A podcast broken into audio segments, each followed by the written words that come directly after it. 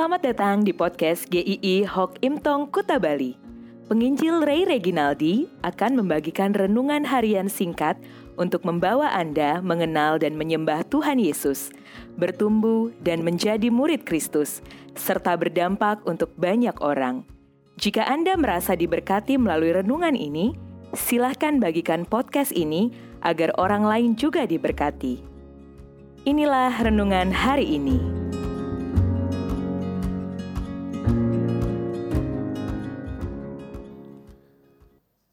Mengandalkan Tuhan. Yeremia 17 ayat 7. Diberkatilah orang yang mengandalkan Tuhan, yang menaruh harapannya pada Tuhan. Dalam masa di rumah saja, ada kegiatan-kegiatan baru yang kita lakukan bukan? Ada yang belajar memasak, tadi yang gak bisa masak jadi bisa masak. Ada yang mulai menulis buku dan ada berbagai hal yang kita kerjakan lainnya.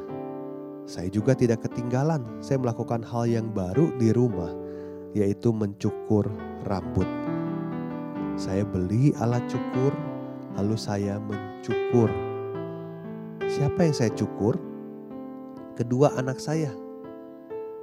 Anak-anak saya begitu percaya kepada saya ketika saya mencukur rambut mereka. Padahal seumur hidup itu adalah pertama kali saya melakukannya. Hasilnya bagaimana? Lumayan, karena alat cukurnya sudah ada ukurannya, modelnya sama, bulat seperti itu. Pertanyaannya, mengapa mereka bisa percaya pada saya? Simple, karena saya papahnya. Mereka tahu saya tidak akan memberikan yang buruk, saya akan berusaha berikan yang terbaik. Ketika kita berelasi dengan Tuhan, seharusnya pola pikir seperti itu juga yang ada pada kita.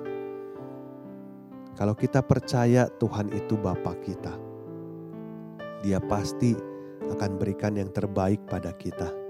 Dia bisa kita andalkan, seperti anak saya mengandalkan saya untuk mencukur rambut mereka.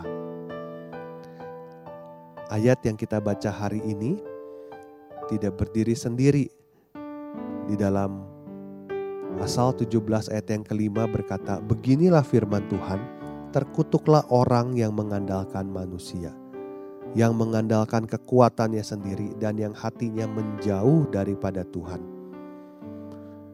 Ada dua tipe orang ketika kita melihat ayat ini. Yang pertama adalah tipe orang yang mengandalkan manusia. Contohnya lagi-lagi bangsa Israel. Mereka lebih suka untuk mengandalkan manusia mengandalkan kekuatannya sendiri. Berulang kali mereka berbuat seperti itu. Ketika mereka terjepit dan mereka lalu langsung melihat bangsa mana yang lebih kuat.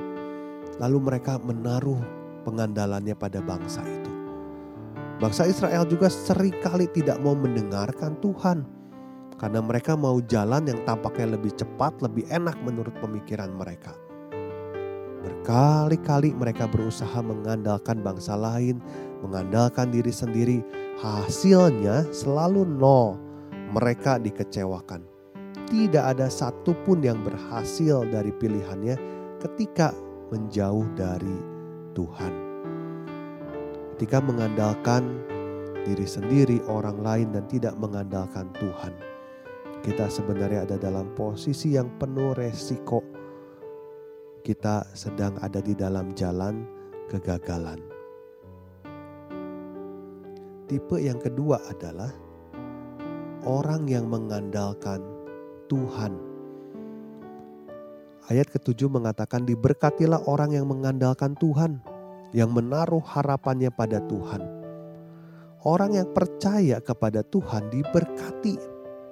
Tunggu dulu, diberkati di sini bukan kita dapat banyak duit, bukan Artinya menikmati kehidupan itu bersama Tuhan. Mengandalkan Tuhan itu artinya kita mempercayakan seluruh hidup pada Tuhan, mengikuti kehendaknya. Kita percaya bahwa Tuhan tidak pernah salah jalan. Kita percaya bahwa Tuhan akan menyertai di dalam pergumulan. Kita percaya Tuhan memegang seluruh hidup kita. Apa dampaknya mengandalkan Tuhan? Dalam bagian firman Tuhan ini juga dikatakan, "Ia akan seperti pohon yang ditanam di tepi air, yang merambatkan akar-akarnya ke tepi batang air." Ada satu sukacita yang bukan sesaat ketika mengandalkan Tuhan, tetapi terus-menerus meskipun dalam kesulitan. John Piper mengatakan, ketika kita mempercayakan hidup kepada Tuhan, bukan berarti kita baik-baik saja, tetapi kita merasa baik-baik saja. Situasi yang kita alami mungkin tidak aman, tetapi kita merasa aman karena ada Tuhan. Pengandalan kita yang utama adalah ketika kita percaya kepada Tuhan Yesus. Ingat, kita tidak bisa menyelamatkan diri sendiri. Satu-satunya yang bisa kita andalkan Tuhan Yesus. Dan kita yang percaya kepadanya diselamatkan. Jika untuk keselamatan kekal yang begitu besar yang tidak terjangkau oleh kita, kita mengandalkan Tuhan seharusnya dalam perjalanan hidup sehari-hari kita juga mengandalkan Tuhan. Jangan mengandalkan pikiran diri sendiri, kita terbatas.